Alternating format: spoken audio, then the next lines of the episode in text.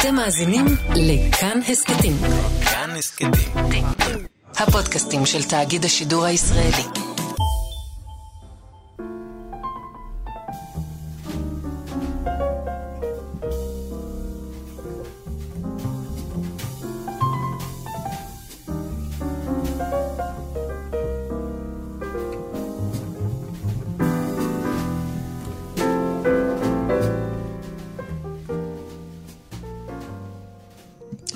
שבת שלום, צהריים טובים. ברוכים אל התבודדות, כאן ברדיו כאן תרבות, באולפן יאיר אסולין ועמיחי חסון, במסענו אה, השבועי והדי די גדוש, אה, כן. אם לומר את האמת.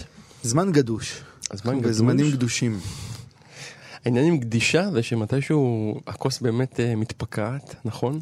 זה קרה לך פעם אגב? בטח. לא, אני עושה אייס קפה, אה, אוקיי. של בירה, סליחה פה עליי, שאני נכנס ישר לדבר. הזה. חצי ליטר כזה. כן, בדיוק, אוקיי. אחרת אי אפשר לתפקד ואי אפשר זה. אין הצדקה, אתה אומר. להשקעת אנרגיה. עכשיו, אני, מה התהליך? אני לא, אולי זה תהליך טיפשי, אבל אני קודם כאילו... אה, ואז אתה שם את הקרח וזה... ואז הכל. מתפוצץ. זאת אומרת, בידיים, כן, ליטרלי, כן, כן. התפוצצו לי כבר כמה אה, אה, כוסות כאלה.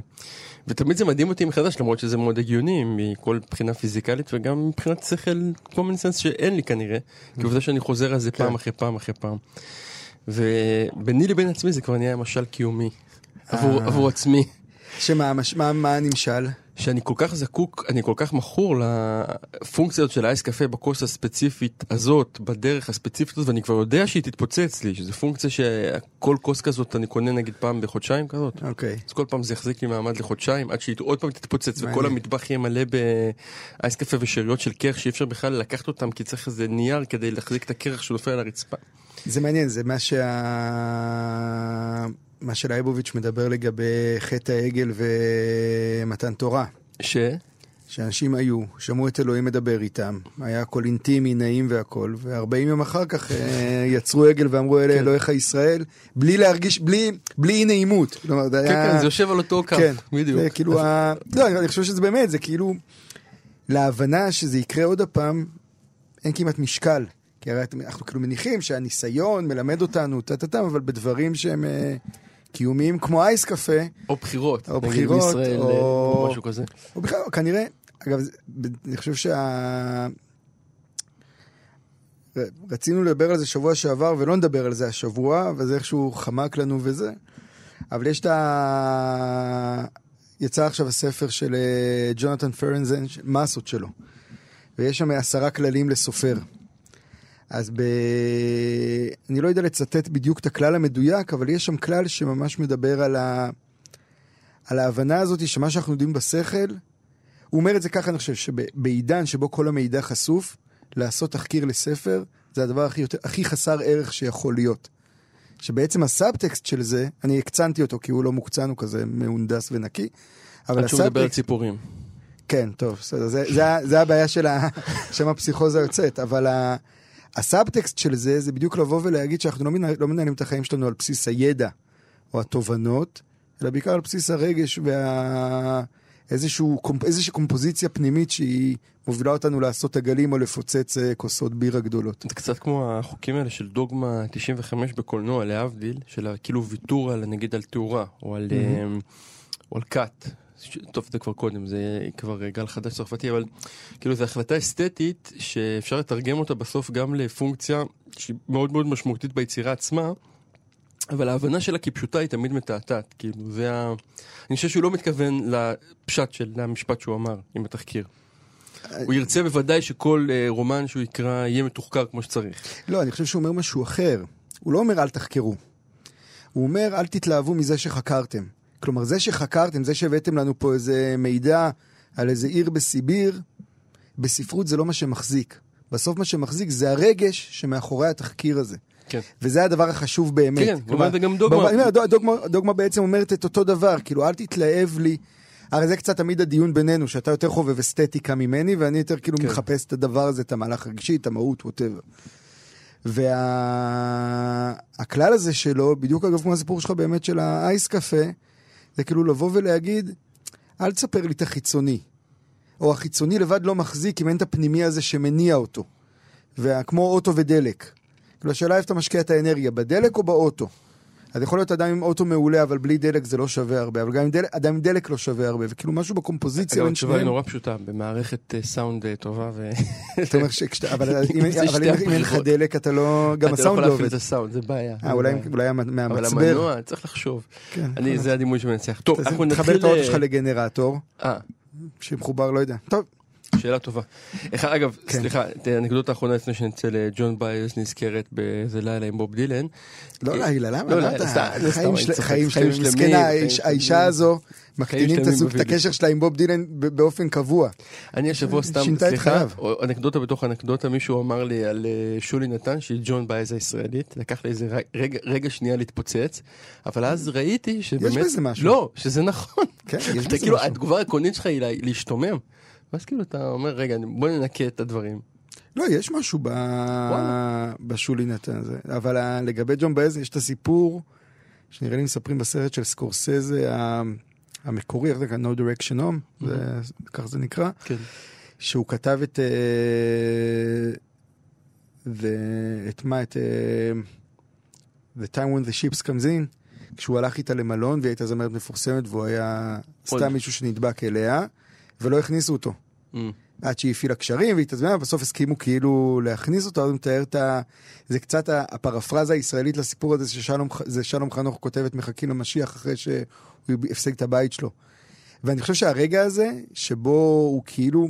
אני חושב שהיא הייתה ממש הטריגר הכי... בקיצור, היא לדעתי הטריג, הייתה הטריגר הכי משמעותי של דילן כדי להפוך להיות דילן. אני שמח שנקמת את נקמתה כנגדי, ועכשיו אנחנו פשוט נשמע את השיר. שיר נהדר.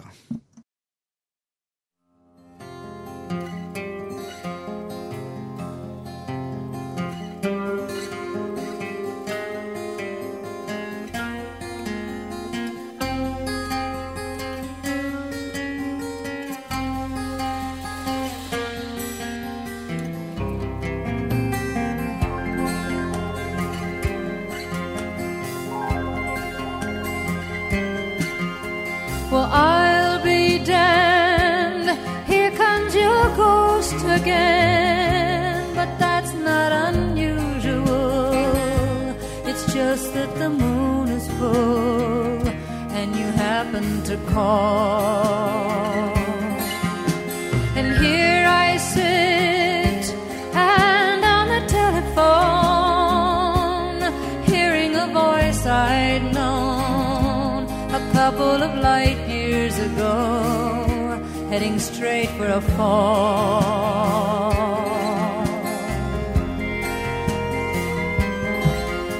As I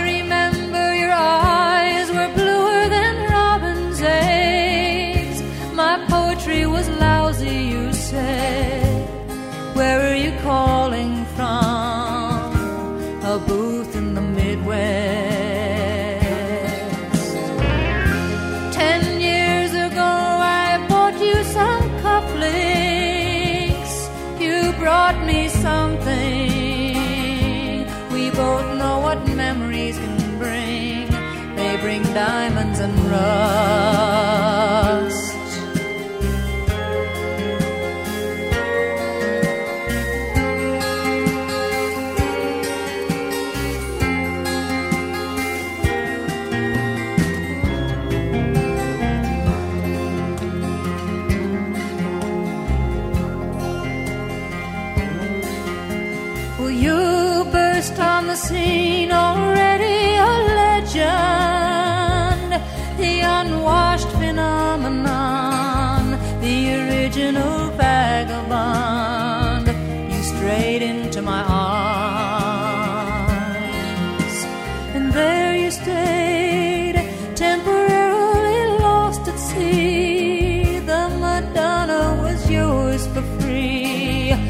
The girl on the half shell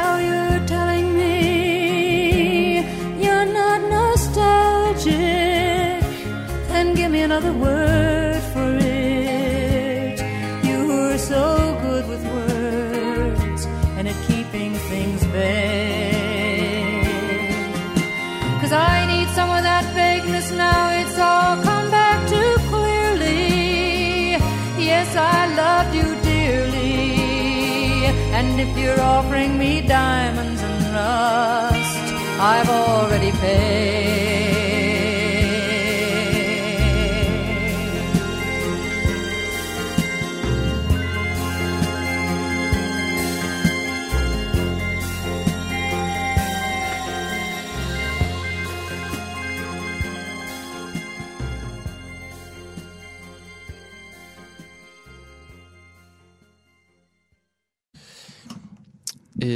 השבוע קרה דבר שלא קרה, נכון? לדעתי, מעולם. מעולם. אה, לא- לא מהסיבות האלה, זאת אומרת, כן, היו כן, דבר- חר- היו דברים דומים. חרם פוליטי לא קרה כן. מעולם ב-NBA. אנחנו מדברים על אה, ליגת הכדורסל הטובה בעולם, ועל אה, רגע מדהים. ראית את הסרטון אגב של הירי עצמו? כן. דבר אה, שבאמת משאיר אותך חסר מילים. אה, שהוביל בין היתר לחרם הפוליטי, נגיד. הירי בוויסקונסין, ששם ירו במישהו אל מול שלושת ילדיו שישבו מאחורה. גרמו לו לשיתוק אה, כן. לכל החיים בערך, ככה כן, זה זה- נראה. זה דבר אה, מדהים שהוא יצא בכלל בחיים. כן. זה כאילו, מה זה, ארבע, חמש יריות אה, מטווח אפס של מישהו שהולך, מישהו שחור כמובן, שהולך אפרו-אמריקאי, שהולך לאוטו. כנראה באיזו סיטואציה משטרתית שאני לא הצלחתי להבין אותה עד הסוף, אבל היה שם איזה משהו. אה, ומול זה, לא, ואחרי זה היה גם עוד אה, הרג של מפגינים. אחרי זה יצ... היו מהומות כן. בוויסקונסין וברחבי ארצות הברית בכלל, שזה כמובן מתלבש על המקרה הקודם של ג'יימס פלויד, ג'יימס קוראים לו? ג'ורג'. ג'ורג' פלויד. והרצח, אני חושב, שהיה שם, אני לא, לא יודע אם אפשר, יש מילה אחרת לתאר את זה. אה, ואל מול זה החליטו פעם ראשונה בהיסטוריה, שחקני NBA, זה התחיל מהשחקנים של מילווקי, אני חושב, שהם החליטו, לדעתי מילווקי, הודיעו שהם לא יופיעו למשחק. ובעקבות זה זה התפרץ. רק נגיד, אנחנו במאני טיים של הטורניר. אנחנו ממש בשיא השיאים, בתוך בועה אגב, שזה גם כן. דימוי מרתק, בועה בדיס, בתוך, אה, באורלנדו, כן. בועת הדיסני הזו. רק נגיד לטובת מי שפחות, בעצם הדרך היחידה להחזיר את ה-NBA בתוך כל הקורונה היה לבודד את כל הקבוצות והשחקנים, באמת, זו הגדרה מבריקה, בתוך בועה. אה, קפסולה, מה שנקרא. קפסולות, כן, זה, זה רק הוביל, אה, אני בעיקר חווה את זה דרך האינסטגרם וכל התמונות של מה הם אוכלים. כל ה... כן. שזה לא האוכל שהם רגילים אליו אה, בתוך הממלכה של הדיסני. אה, ואז כאילו בעצם הליגה, ואולי בואי נתעכב רגע על הדימוי הזה, בתוך הבועה שהיא מנותקת מתוך המציאות כדי לאפשר את הקיום, כי המשחק חייב בדיוק. להימשך. כביכול מנותקת, כן. משהו חודר את ה- את הבועה הזאת. בעיקר אנחנו לומדים שכבר אין דבר כזה בועה. כלומר, המקרה הזה, הידיעות, המידע הרי ממשיך לזרום, גם אם אתה מבודד אנשים, המידע ממשיך לזרום, כי אנחנו כבר לא בעולם שהוא רק פיזי. ואז הם מחליטים, אני חושב שזה הדבר באמת הכי מרתק. ההחלטה הזאת היא לנקוט בעמדה פוליטית. כשה-NBA תמיד, מאז ומעולם, קודם כל היה, אני חושב, אלרגי לפוליטיקה, ממש מבחינה ניהולית, זה היה ה-no-no הכי גדול, זה להיכנס למרחבים האלה, ובאופן כל כך גורף. שזה עוד דימוי בעיניי למה שאנחנו מדברים פה לא מעט, של התפרקות המסגרות. כלומר, יש משהו ב... שזה מה שאותי מרתק, שהמותג הזה NBA והמוסכמות שלו והכללים הסטריליים כביכול כבר לא מחזיקים. כלומר, כבר לא מצליחים למנוע מאנשים לעשות דברים שפעם אולי הם היו רוצים לעשות, אבל הם לא היו עושים אותם כי כסף, כי קריירה, כי לך תדע איך תצא מזה, מה המחירים שתשלם. אני חושב שזה פחות אבל הפונקציה המינהלתית של NBA, כמו היכולת, אנחנו כבר שנינו יודעים, ואני חושב שבמציאות הישראלית פשוט צריך להגיד את זה, הצנזור הכי גדול הוא את- אתה עצמך. כלומר, הרבה יותר מאשר פחד מכל אה, גוף אחר, וגם במובן הזה, אנחנו, מי שכרגע מתווך במשא ומתן בין כל הקבוצות זה מייקל ג'ורדן ידידנו, וכפי שזכור ל- לכל מי שראה את הסדרה, אל החזרה, אל המשפט הזה שגם רפובליקנים קונים אה, נעליים. אה, נעליים. כאיזושהי אמירה שמנסה לה באמת להגיד בדיוק את מה שאמרת, אנחנו לא רוצים להתערב, אנחנו רוצים להישאר א-פוליטיים, המנגנון של הכסף והמשחק יותר גדול, ובעיניי אז זה זה- צנזורה אגב, פנימית של- של- אני- של אה, אבל ג'ורדן. זה, גם, זה צנזורה פנימית, אבל שהיא נובעת מאתוס מסוים. נגיד שאנחנו מדברים על ההבחנה הזאת בין המאה ה-20 כמאה של המה, המאה ה-21 למאה של האיך, של הכללים. במאה ה-20 הכללים היו מאוד מאוד ברורים, ובאמריקה הכללים הם, שכמו בפרפרזה על מנדלסון, כן, זה יהיה מה שאתה בביתך ות- ויהיה קוקה קולה בחוץ. כלומר, בדיוק הדבר הניטרלי הזה, כביכול, כמובן, זה אף פעם לא באמת, אבל האשליה הזו, הקפיטליסטית, של תחרות שווה בין כוחות וכולי וכולי. וכשהדבר הזה מתפרק, כשהאשליה מתפרקת, או ההבטחה מתפרקת, אז, אז הצנזורה הפנימית שאתה מדבר עליה מתפרקת ביחד איתה. אנחנו הרבה פעמים, זה, אני חושב שהדימוי הכי טוב לזה זה כמו שרואים בכתות. שאתה מספר, כשכל עוד הסיפור מחזיק, והוא רץ קדימה, אז אתה מרסן את עצמך, אתה פועל לפי הכללים, בין אם אתה מאה אחוז מודע אליהם ובין אם לא, אבל יש משהו בפרדיגמה או אתה מדבר במסגרת. על חבר הכת, כאילו. מדבר בדיוק. על חברת האק, אתה פועל פנימה. וכשזה מתחיל להתפורר, אז פתאום העצמי קופץ החוצה. העצמי הזה שהיה לסיפור הגדול כוח להשתיק אותו.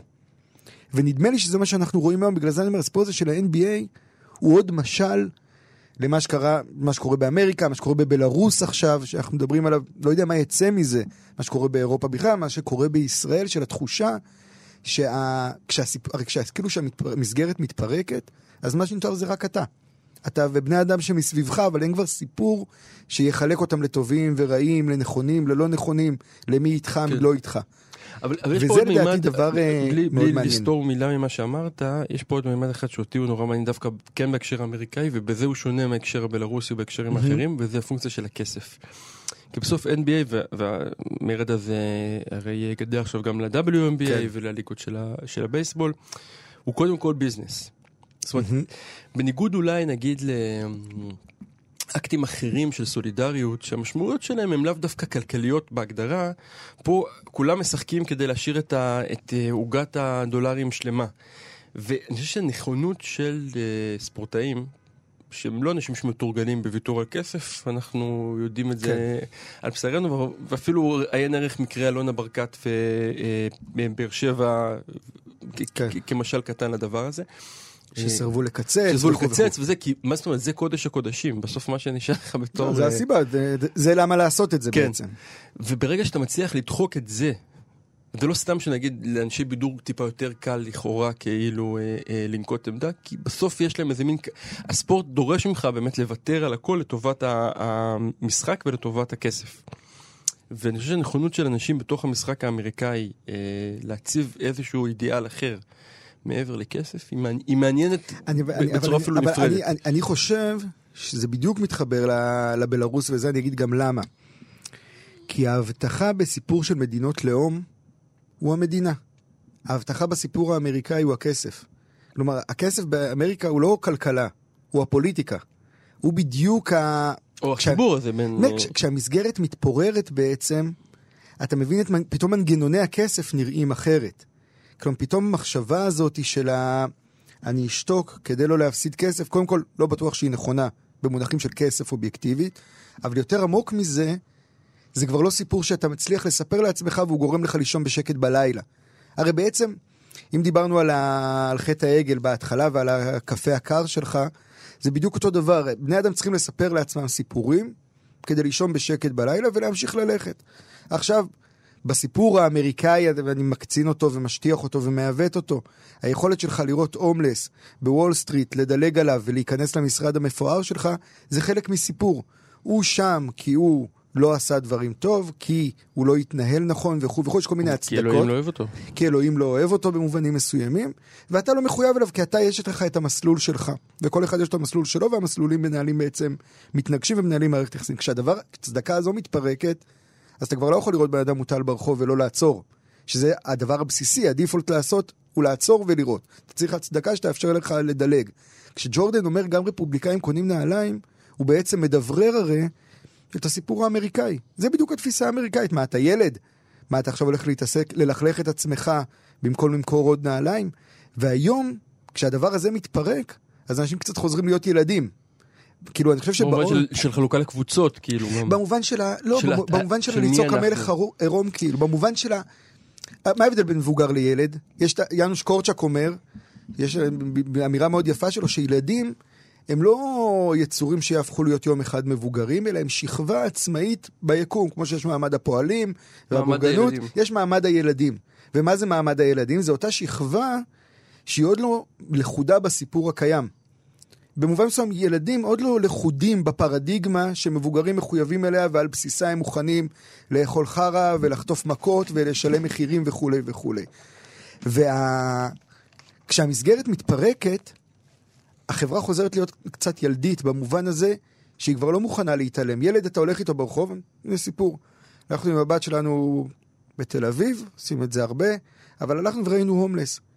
החוויה הזאת שלה, של ההומלס ברחוב, מלווה אותה מאז, אני חושב כבר שבועיים וחצי, יום יום היא שואלת כן, עליו. היא שואלת, היא מדברת. ממש, היא ממש מות- היא מספרת עליו לאנשים. הלכנו, הלכנו עם אבא ואימא, וראינו מישהו שאין לו בית, ואנחנו לא יודעים למה אין לו בית, כי לך עכשיו תסביר לילדה שלך למה אין לו בית, אבל אנחנו זה, ורצינו לעזור לו, וממש כבר סיפור שלם שהיא בונה לעצמה, אבל היא לא יכלה להתעלם.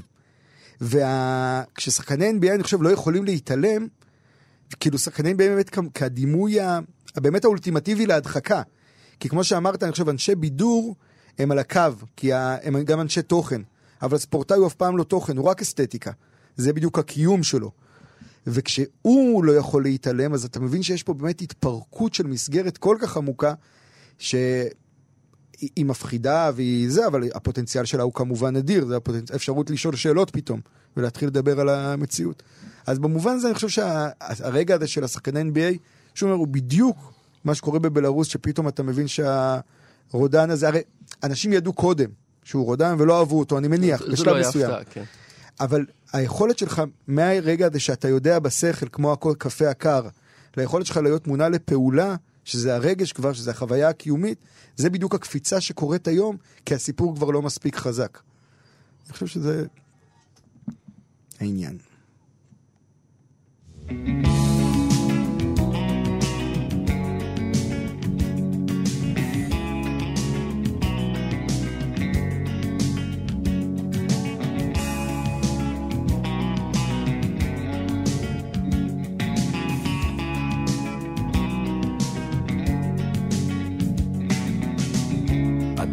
מוזר הוא האויב שלך, בדיוק כמוך, פתאום גם הוא רוצה להיות כמוך בדיוק, פתאום הוא קם ומתייצב מולך, מתעקש לחיות.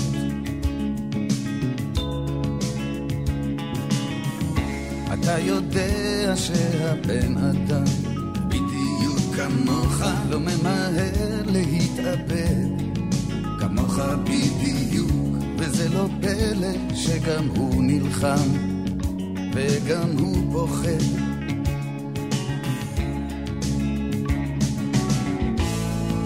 זהו האויב שלך, זהו האויב שלך.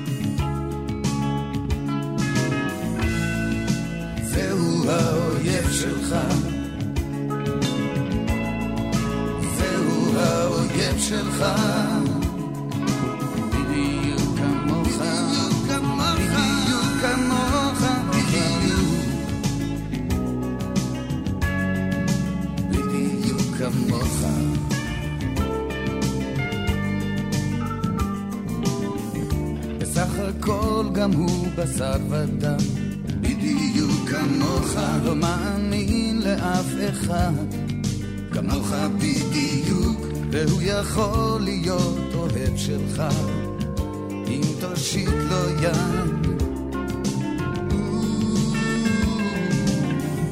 אדם מוזר הוא האויב שלך. וגם הוא לבד.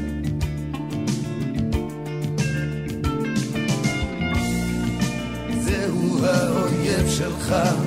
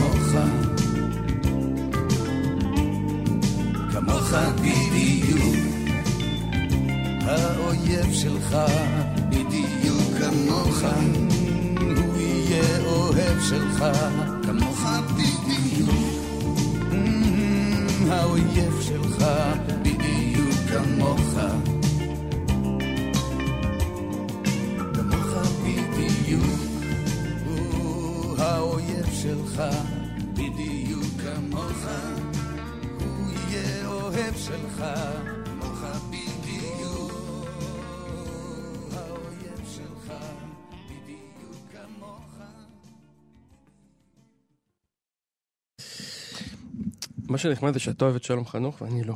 אתה לא אוהב את שלום חנוך? מה זה לא אוהב? השיר הזה מעצבן אותי, נו. למה, מה מעצבן כי אותך? הוא בוא דווקא מעניין. פשטני, ו- לא יודע, אני מרגיש שהוא כאילו מין שיר... אה, אני אוהב את שלום חנוך. אני יודע שאתה אוהב שלום חנוך, כן. אני יכול להרשות כן, לעצמי כן, כן, להגיד לא, את זה.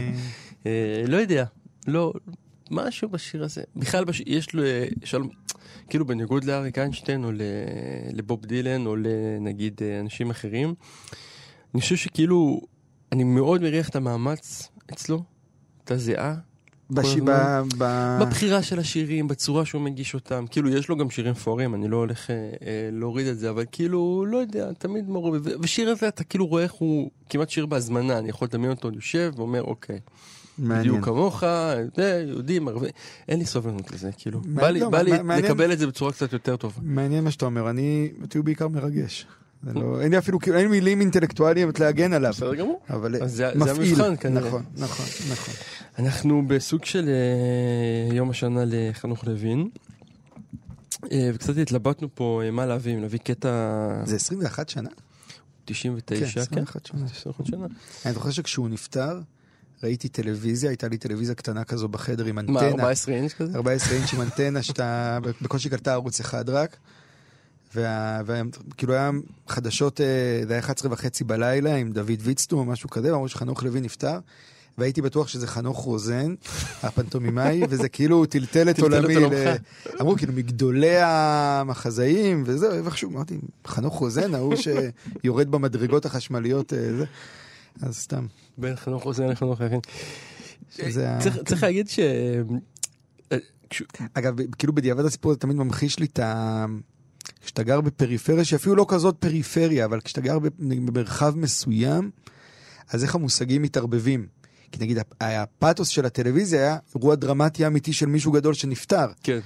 ואני אמרתי, אם זה הפאתוס, אז כנראה זה חנוך רוזנה, הוא, כי הוא, הוא כאילו הוא המשמעותי. הדבר הכי משמעותי שקורה על המסך. וגם לא שמעתי על שום חנוך אחר אה, זה, וזה כאילו מעניין, איך מושגים נוצרים. אתה כאילו, לפני שעוד מעט נקרא רגע משהו, אבל מבחינת החוויה שלך עם לוין, היא סטטית? היא כאילו, אתה, אתה נשאר באותו מקום מולו? הוא אדם שאני כל הזמן משנה את דעתי עליו. אני כאילו, ה... גם כקורא וגם כצופה שלו, אני כאילו צריך שהוא יקנה את האמון שלי כל פעם מחדש. כלומר, יש לי את, הגדרה הח... יפה. את החוויה הזו, שכשאני פוגש אותו, אני סקפטי. כל פעם כשאני קורא אותו, או כמעט כל פעם, הוא קונה את אמוני, ואז אני שוב סקפטי. כלומר, יש משהו שלא... אני לא מצליח לתפוס אותו אף פעם. כן. כאילו הוא חומק לי באיזושהי צורה. אני חושב שזו החוויה שלי איתו. לכן אני גם כאילו אוהב, לי- אני אוהב לחזור אליו. כן, יש, יש לי חוויה קצת דומה, למרות שאצלי זה נראה לי קצת יותר קיצוני. זאת אומרת, אני יכול לקרוא אותו פתאום ולהגיד, וואי, זה פשוט, כאילו, המלך הוא עירום קלאסי, ואז פתאום להיתקל באיזה משהו שלו ו- ולהידהם מכמה זה...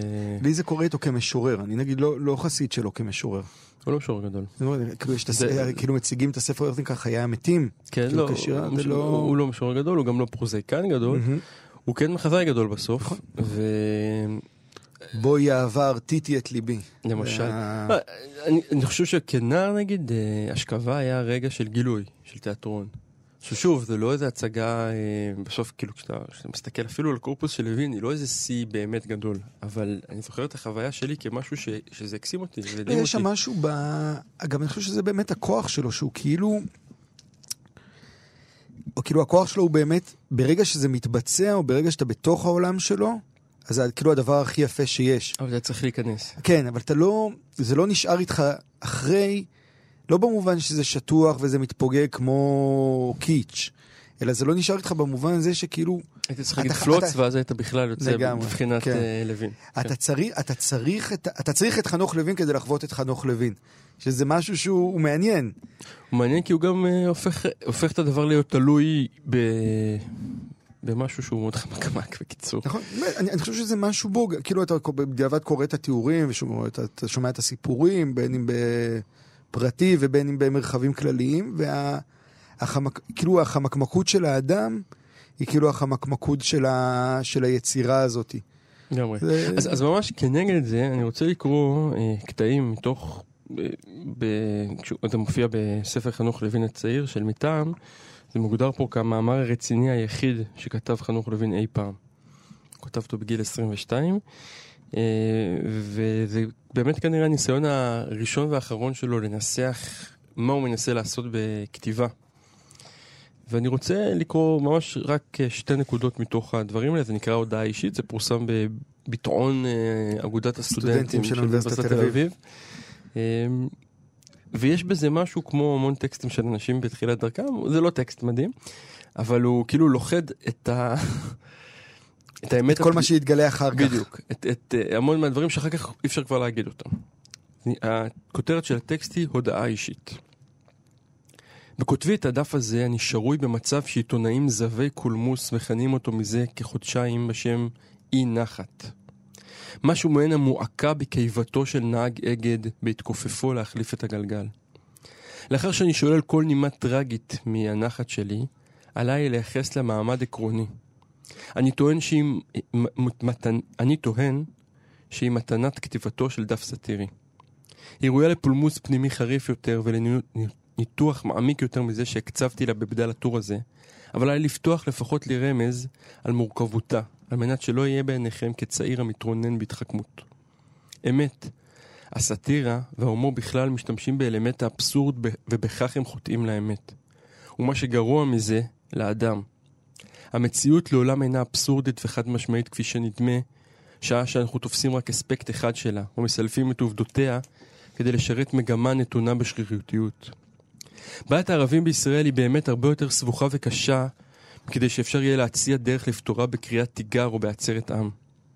הסאטירה לא רק שאינה יכולה להתיר את הבעיה, היא אף מעקמת אותה, ולכן הינה חוקית כתופעה אומנותית ובזויה כמכשיר פוליטי חברתי. על הסאטיריקן לגלות ספקנות עצמית ביחס ליושר כוח דמיונו. צריך על כל פנים להודות שבתחום החיים המעשיים זהה ההומור עם קלות הדעת. זה רק פתיחה, אה, ואני מאוד אוהב אותה כי אני חושב שיש פה אה, הכרה עצמית מאוד יפה. במיוחד במשפט האחרון הזה. אני אקרא אותו שוב. צריך על כל פנים להודות שבתחום החיים המעשיים זהה ההומור עם קלות הדעת. כן. והוא כאילו גם נותן איזשהו פתרון למשהו שתמיד מטריד אותי לפחות, ש... בעיקר במחזות של לוין. שלא, אתה לפעמים אומר אוקיי בסדר. אגב, אני חושב שאתה רואה את המעב...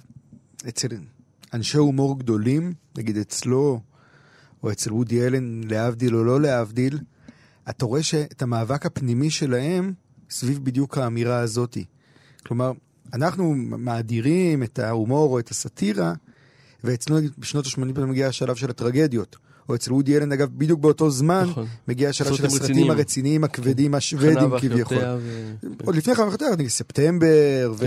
וזה, כאילו, יותר- אפילו הדברים הממש אה, סרטי דיכאון כאלה. ואני חושב שזה מאבק פנימי שכל הזמן מתנהל שם. ההבנה הזאת שאתה... הטרגדיה של הבדרן, כמו הטרגדיה אולי של המניפולטור, זה שהוא יודע שהוא עושה מניפולציה, הוא יודע שהוא בדרן. כן. הוא מבין את המנגנון שמאחורי מה שגורם למי ששומע אותו לצחוק. והטרגדיה הזאת שלה להיכנס למאחורי הקלעים ולהבין את המנגנון, היא אני חושב מה שהוא מבין פה אינסטינקטיבית כמעט. יש פה, בטקסט הזה, זה ממשיך הלאה. אה, יש לו פה כאילו משפט אה, נורא יפה, אה, המילה מביעה את המציאות, אך אינה נוטלת בה חלק. כן, הוא אומר את זה בהמשך, וזה כאילו כל הזמן ניסיון לעשות הפרדות. אתה כאילו לא צופה, ש... אני, במובן מסוים זה טקסט שהפתיע אותי. למה? כי חשבתי שהוא יהיה יותר אחד לאחד. מה זאת. אומרת אחד לאחד? הרי לוין היה לו מטרות, אני, אני חושב, שוב, אני לא אומר את זה מתוך uh, מחקר עמוק, אני רוצה לשים את זה על השולחן, אבל מאיך שאני תופס אותו, כמישהו שכן ניסה לייצר uh, פונקציות או אדוות בתוך המציאות. זאת אומרת, זה לא פעל בחלל ריק. הוא לא היה נגיד סובול שניסה באמת לייצר איזה תנועה, נגיד, דרך התיאטרון או, או אחרים, אבל הוא כן רצה שתצא משם וזה לא יישאר רק הפער רק הזה. הבדיחה. כן. והטקסט הזה דווקא יש בו משהו מאוד נקי וישיר במובן הזה שהוא אומר, אני מודע לזה שיש אפשרות סבירה ביותר שכל מה שיישאר בסוף, מכל מה שאני מכנה כרגע סאטירה או, או, אה, או, או, או ניסיון לייצר משהו במציאות, מה שיישאר מזה זה בדיחה. וזה בסדר. הוא מקבל את זה הש- כאילו כגזירת יש גורל. משפט שהקראת, זה אומר שכאילו, ה... איך אומר את זה, שההומור חוטא לאמת, כן, ואני חושב שה... מטבעו, כאילו. מטבעו. ואני חושב שכאילו אם הייתי, נגיד מנסה לנסח את הפרויקט הזה של לוין, הייתי אומר שהפרויקט שלו הוא בדיוק לבוא ולהגיד שהחיים עצמם חותרים לאמת. חוטאים לאמת. כן. לא חותרים, אלא חוטאים כן. לאמת. חוטאים וחותרים. אה, כי כאילו, אתה יודע, כי יש משהו בטקסט הזה, בגלל זה נגיד שהקראת, תמיד שאלתי, אה, הדהדה בי שוב השאלה הזו של כמה נכון לפרסם גם טקסטים מוקדמים של אה, אנשים. אה, בטח שהם יוצרים משמעותיים. כאילו, יש פה איזה ניסיון, או שזה בהפוך על הפוך במובן מסוים, לבוא ולסמן את ה... את האבסורד במה שהוא עושה, אבל עדיין לבוא ולהגיד אני עושה אני את זה. עושה את זה, כן, כן. זה כאילו המשחק הכפול, זה קצת כמו ששפינוזה בסוף אה, האתיקה אומר, הגעתי לגאולה, אבל אי אפשר להגיע לגאולה. כלומר, זה איזשהו ערבוב כזה שבו הוא נע. זה... שהוא יפה. הוא, הוא, הוא מאוד מאוד יפה, הוא רק, אני תוהה על ה... אני תוהה כאילו על ה... איך אני אגדיר את זה? בתור, האינסטינקט שלי הוא לתהות על, ה... על המשחקיות הזו. בין, כאילו, ת, ת, תכיר גם, תכיר בזה. כיוון שהוא משחקן אה, שאהב את המשחק, אני חושב שהוא, שהוא גם היה נהנה מזה. כן. נשמע את אה, רכטר עושה את אה, איש עיני עמוק, שזה טקסט יפה. של לוין יפה. דווקא. מהיפים, אחרי שהשמצנו אותו כמשורר. כן, אחד היפים.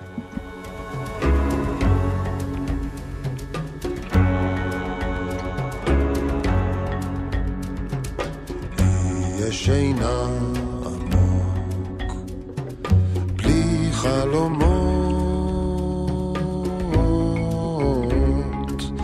לפני שנתיים נרדמה, ומאז לא קמה עוד. יש שינה עמוק, בלי חלומות. לפני שנתיים נרדמה, ומאז לא קמה עוד. ולמה לה פטורה מפחד, ממיסים ומכאב, וחיוכה שקט שקט עם השנים הולך ומתרחב.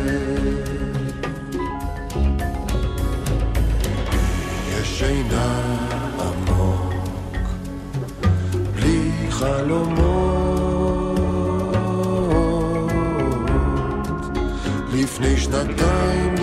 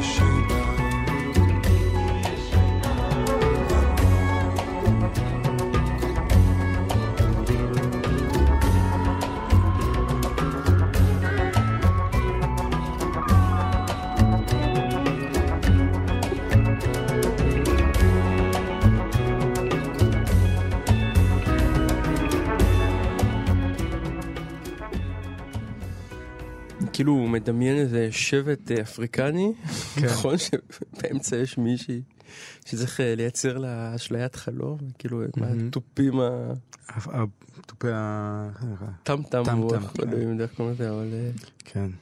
זה- נורא אני יפה. חייב שהפזמון שלו שאני הכי אוהב של חנוך לוין זה עוד לא יהיה לי רגע. כמו הרגע שלפני. כמו הרגע שלפני. שזה... אגב, שם זה כאילו חנוך לוין, ב... זה בדיוק כאילו עיקר המלאכה שלו. על לסמן את, ה... את אותה שנייה שבה העולם משתנה, בגלל Mm. דבר כאילו מאוד קטן, כן. אבל את הרגע הזה שנייה לפני שהוא משתנה. זה מאוד מאוד יפה. רציתי לדבר על... אה, יש יארצייט לצבי גרץ, ההיסטוריון היהודי, הגרמני, בן המאה ה-19, אה, שכתב את אחד החיבורים הכי מונומנטליים באמת, אה, שזה תולדות היהודים, בארבעה כרכים לדעתי. אולי אפילו יותר, תלוי לא- באיזה לא- תרגום ו... כן. לא, מגיע לזה 11. כן, אבל אני חושב שהפרויקט לדעתי היה ארבעה... לא, 11 יש אוקיי. פשוט בספריית אה, כן. רחוב של עמק רפאים, של יש ה- את זה, ה- יש כל את הזמן אנשים. שזורקים את זה. את ה... זה כן. לדעתי זה יותר כן, מהבא. כן, כן, אה, הרבה. אה, וה-11 כרכים. ורציתי דווקא להקריא עליו קטע מתוך אה, הרצאה שרוזנצוויג נותן, אה, שנקראת רוחה ותקופותיה של ההיסטוריה היהודית, שבה הוא מתמקד בשאלה, שהוא אומר, אני אקריא את זה, והוא אומר שם שהוא לא יודע אפילו אם גרץ היה מודע אליה, אבל זו שהבחירה של גרץ להתחיל את הכרך הראשון בהיסטוריה של העם היהודי בחורבן בית שני. לא, לא במתן תורה וגם לא בזמנו, ולחזור אחורה. כלומר, איזושהי החלטה כביכול שרירותית, למה היא מעלה עליך חיוך? לא, כי אתה יודע, ישר זה הולך לרש"י הראשון על התורה, של למה לפתוח בבראשית. Mm. כאילו בשאלת ההתחלה הזאת תמיד נכון. מישהו, כאילו איפה אתה שם את האצבע, וזה- ו- וזה כר פורה לשאלות. נכון, נכון, יש משהו, תמיד יש בבחירה, זה מה שאומר גם רוזנצוויג בקטע שאני אקריא עוד רגע, אומר, לא מעניין אותי אם גרץ חשב על זה או כן. לא חשב על זה, הוא החליט להתחיל דווקא שם, ואותנו זה מעניין למה. ואני חושב שזה מעניין לחזור לטקסט הזה כל הזמן, זה טקסט שאני חוזר עליו הרבה, ההרצאה של רוזנצוויג, וגם אגב, האופן שבו גרץ מספר את הסיפור היהודי. אה, כי אני חושב שיש משהו ברגע הזה, בסוף המאה ה-19, שה... כשהלאומיות מבעבעת, ופתאום אתה צריך להתחיל לבנות את ה... כל עם בונה את ההיסטוריה שלו פתאום, כל עם באירופה לפחות מתחיל לבנות את ההיסטוריה שלו, שה... שזה, נגיד את זה ככה, כשאת, כשה... קצת כמו בטיפול פסיכולוגי, כשאדם מתחיל לבנות, כשאדם מתחיל לספר לך את ההיסטוריה שלו, אתה מבין את האופן שבו הוא רואה את ההווה, ואת האופן שבו הוא מכוון קדימה. ואני חושב שיש משהו בפרויקט הזה של גרץ שממש מספר את ה... מה שנהיה אחר כך האתוס הציוני, למרות שלדעתי גרץ לא היה ציוני בכלל. כן. אני חושב שלא. אה, ורוזנצוויג ודאי לא היה ציוני, אבל משהו ב... באתוס הזה מבעבע שם. אז אני פשוט אקריא קטע לא ארוך מתוך ההרצאה הזו. אה, נגיד שזה מנהריים. כן, זה מתוך, אה, מתוך הקובץ נהריים, שהוא הטקסטים של אה, רוזנצוויג, והוא אומר ככה, ננסה למצוא את הנקודה. דבר זה יתברר לנו יותר אם, נתבונ... אם ניתן עינינו בהיסטוריון של עמנו, גרץ, שזה גם בהערת, אגב, אני אגיד שזה מרתק, האפיון הזה של היסטור... ההיסטוריון של עמנו. כלומר, זה לא... כן, כן, זה- תפקיד אה, לאומי. תפקיד לאומי ממש. והפעם לאו, לאו דווקא בתוכן ספרו, אלא בהשתלשל, בהשתלשלות כתיבתו. אפשר, אם אתם זוכרים, מתוך ההרצאה שהרצה כאן לפני שנה ידידי פראגר, שגרץ פתח את תולדות היהודים שלו בכרך, הר- בכרך הרביעי. מעשה זה אין אח לו בדברי ימי ההיסטוריוגרפיה. אמנם יש שההיסטוריון, שההיסטוריון מתחיל בהווה וממנו סולל לו דרכו אחורנית. לאחר הערות המבוא שפתחתי בהן, אולי תבינו את המניעים לדרך עבודה זו, ושמא תמצאו עניין אף באותה דרישה, הנשמעת מפ- מפקידה לפקידה בחוגי אה, מחנכים ללמד את ההיסטוריה בסדר הפוך. אבל עוד לא עלה על דעת איש מבין כותבי דברי הימים להתחיל באיזו נקודה שבאמצע וממנה לכבוש דרך קדימה ואחורה, כפי שעשה גרץ.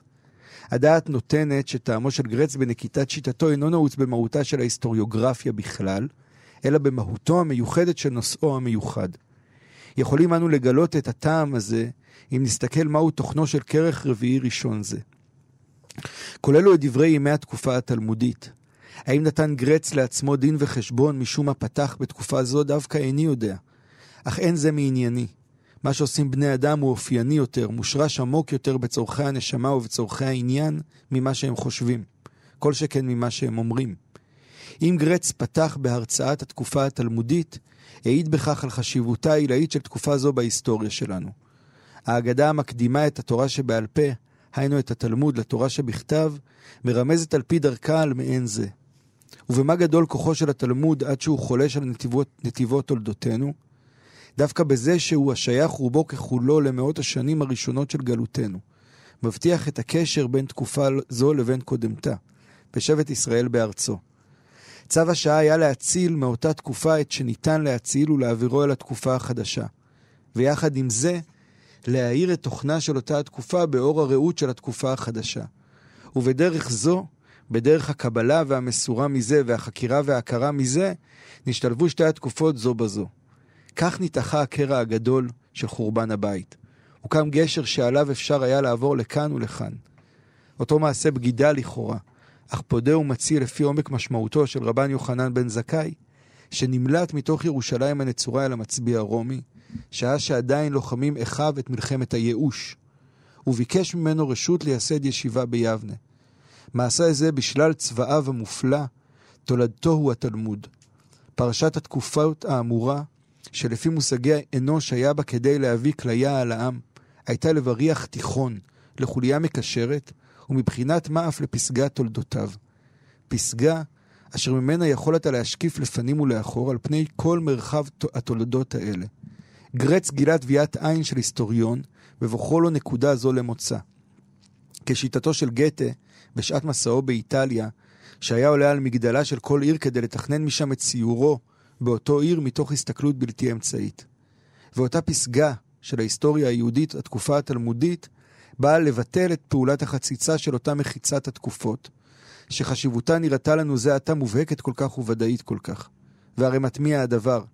במרכזה של היסטוריה לאומית מגלים אנו את הניסיון לבטל את הפרדת התקופות של אותה היסטוריה. הפרדה הנראית מוכחת כל כך. שלטון ההיסטוריה בעמים מתבצע באמצעות תקופותיה. מתקופה לתקופה משתנה העם, בהן הוא צועד ועובר מילדותו לבגרותו עד לעת זקנה ומיתה. שליטה זו של ההיסטוריה בחייה של האומה היא-היא הנשללת כאן. משבטלה הפרדת התקופות, בטלה ההיסטוריה איתה. שלטון ההיסטוריה נפסק במקום שאמצעי שליטתה, היינו חלוקת, חלוקת התקופות, נשמט מידיה. וזהו מה שעושה התלמוד, שכבש לעצמו את המקום בתולדות העם. שאלמלא הוא, היה, הוא, שאלמלא הוא הייתה שנת החורבן כובשתו. הרי עם, אך אין הוא שר למשמעותה של אותה מעצמה שכל שאר העמים כפופים לה, הזמן. יחידה בין האומות, עם עולם בין העמים. מדהים כמה אה. זה מהדהד דברים שהרב שטיינזלץ. כתב לאורך השנים. בהחלט, גם אני חושב שזה ממש מהדהד את ה... זה ממש מהדהד את, ה... את הזמן שאנחנו נמצאים בו, ובעיקר את ה... אמרתי שזה מהדהד את, ה... את האתוס הציוני, אבל זה כאילו בדיוק ה... המתח שהסיפור הישראלי מצוי בו, לדעתי. בגלל זה כאילו האתוס של ה... מצד אחד לרצות להיות חלק מההיסטוריה, מצד שני תמיד לחתור תחתיה. וכאילו חומר הנפץ נמצא ב, בדיוק בזה. כלומר, כאילו יש משהו החלטה... יכולת להחליט.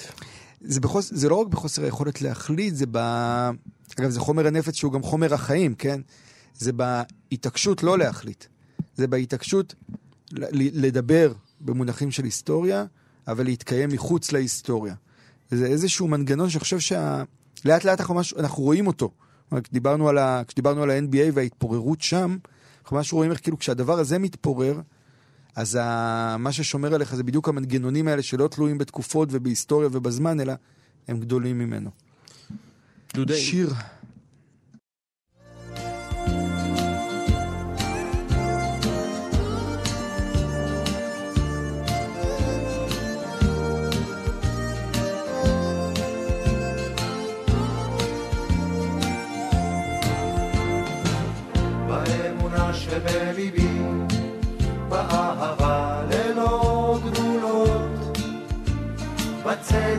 אשר בקרבי,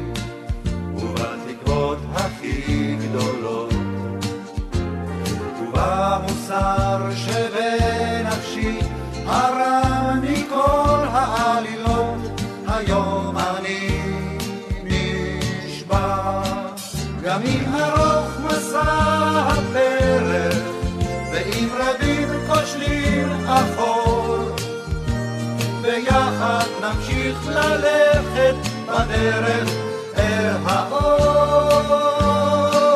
גם אם ארוך מסע הפרק, ואם רבים כושלים אחור, ביחד נמשיך ללכת בדרך אל האור. ובקומי ובלכתי, קורא שלום במלחמה, השומעים זעקתי, מול כל המבקשים דמה.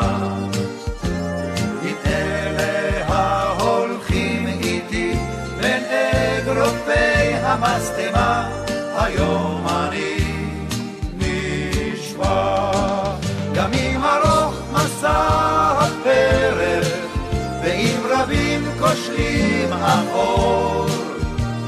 ביחד נמשיך ללכת בדרך אל האור.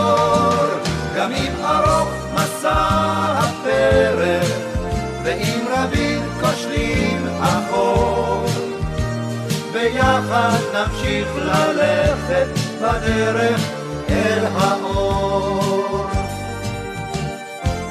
ובחיי ובמותי, בייסורי המלחמות, והקברים באדמתי, ואזכרת הנשמות. ובני ביתך ובני ביתי, בין רסיסי החלומות, היום אני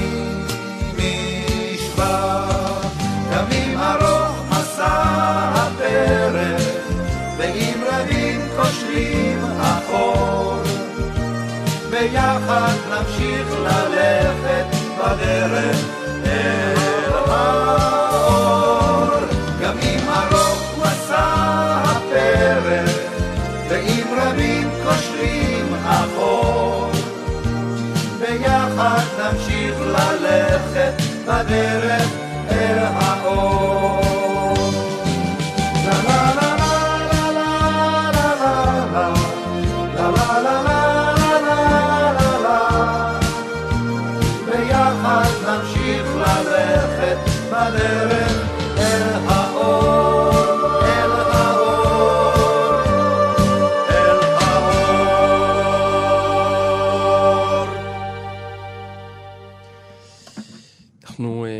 אני מאוד אוהב את השיר הזה, אני אני יודע חייב שאתה אוהב את להגיד. השיר הזה, נו, אתה ראית את הפרצוף שלי. זה טקסט של נו- נורא קל אה, לחיים חפר. חיים חפר. יפה, אה, עשית שיעורי בית. ברור, נו, וזה לזכר... אה, מה זה, זה אמיל גרינצוויג. כן, גרינצוויג, כן. כן, לא, פשוט, מה- שיפה בחייר, שהשירים אמרתי שאתה. אוהב בסוף, הם נורא אופטימיים ו...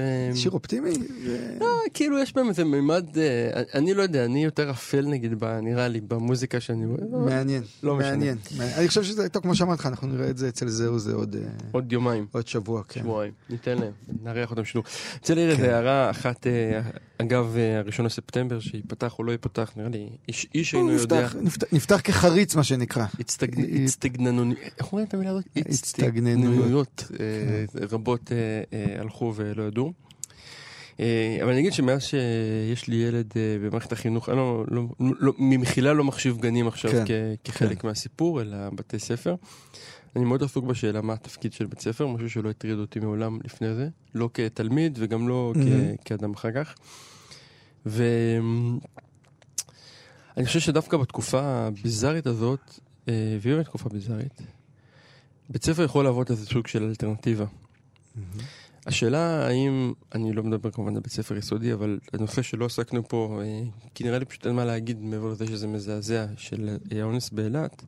כן. אה, שבסוף בסוף אולי נקודת שיא, אבל חלק מרצף אינסופי של אה, פגיעות מיניות ודברים איומים ונוראים שמתרחשים כל הזמן.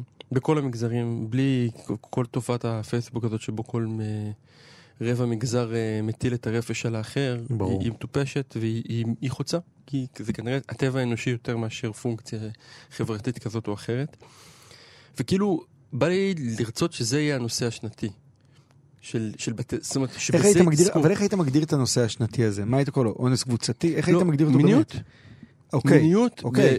בצורה שהיא לא מנסה להתחסד מצד אחד, ומצד שני היא כן מנסה לייצר איזשהו דיבור שיש בו מימד כנה. אתה, מרגיש, אתה חושב שהסיפור של העומס באילת הוא סיפור שקשור למיניות גם, באיזושהי צורה? גם, כן. לכוח מיניות, בסדר. אוקיי, אנחנו- לא, כי... אני כן, מרחיב פה רגע את ה- למה אני שואל? כי ה... אני חושב שכאילו ה- הסיפוח של האונס באילת לסוגיה המינית, גריידה, ולא ההבנה שיש פה באמת סיפור של אלימות ושל הוצאת אגרסיות ברור. קיצונית ברור. ושל חוסר קיום כמעט, כן? היא ה... אני, אני מאוד מסכים עם מה שאתה אומר שמערכת החינוך היא הזדמנות במובן הזה, וזה אולי הכשל, הג...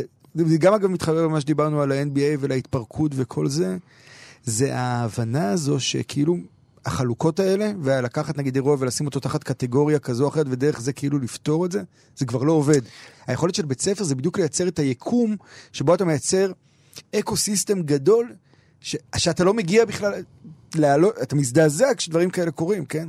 הרי אחד הדברים שאותי הכי מה- באונס בלט, מעבר לאונס עצמו הנורא, זה העובדה שהחיפוש, ה... אחד החיפושים הכי מובילים בימים שאחרי, היה אנשים שחיפשו את הסרטונים האלה. ב- ב- וואלה. ב- כן, גם זה התפרסם. ואתה מבין שעל כל אחד שיצא למחות והזדעזע, יש כאלה שאמרו, אה וואלה, איפה הסרטונים? וה... או לא כל אחד, לא יודע מה היחס. וההבנה הזאת שאתה לא פותר את זה גם לא על ידי הגינוי או על ידי הזעזוע, אלא באמת על ידי, זה ההבנה הזאת, זה ההבנה התורנית הזו, לא תורנית במובן של, ה... במובן של התורה. כן. שאתה חייב לייצר אקו סיסטם שלם, שזה גם אולי אגב פרשת השבוע שלנו, כן? שה... שיש בה גם את הדיבור על אה, אונס, אבל מלחמה קשורה נכון, לאונס, קשורה לאלימות, כל הדברים האלה קשורים בתוך פרשת כי תצא. אני חושב שזו ההבנה הגדולה, שזה כאילו, בוא לא נשים את זה באיזה קטגוריה שטוחה, או נשים את זה בשיעור חברה, נדבר על מיניות, נגיד איך... אני איך, איתך, אה, אני רק רוצה שנדבר על זה. כלומר, שזה לגמרי. יהיה נושא שאפשר פשוט לפתוח אותו. בלי אני, אני מסכים. לגמרי, אני רוצה, אני מוסיף על זה שנשקיע מחשבה גם באיך לדבר על זה. כי אחרת זה באמת עלול להיות ברכה לבטלה. טוב, עם המחשבות האלה נצא ל... כי תיסע? כי תצא, כי תצא למלחמה על אויביך. אויביך, וראית שם אשת יפה. אוי ואבוי, באמת תכלס לא, חיבור... זה, אה, יש שם, ממש- לא, ובהמשך הפרשה הזו גם יש את האישה מאורסה כן, שנאנסת וכו' וכו' וכו'. זאת אומרת, זה הכל, הכל. זה כאילו פרשת כי תצא היא בדיוק הפרשה על ה... פרשת השירים שאתה אוהב, כן, פרשת המוטיבציות האפלות כן. של האדם. טוב, עם זה נלך, נודה לנדב אלפרין שערך והפיק, אה, ושתהיה לנו שבת שלום. שבת שלום, בשורות טובות.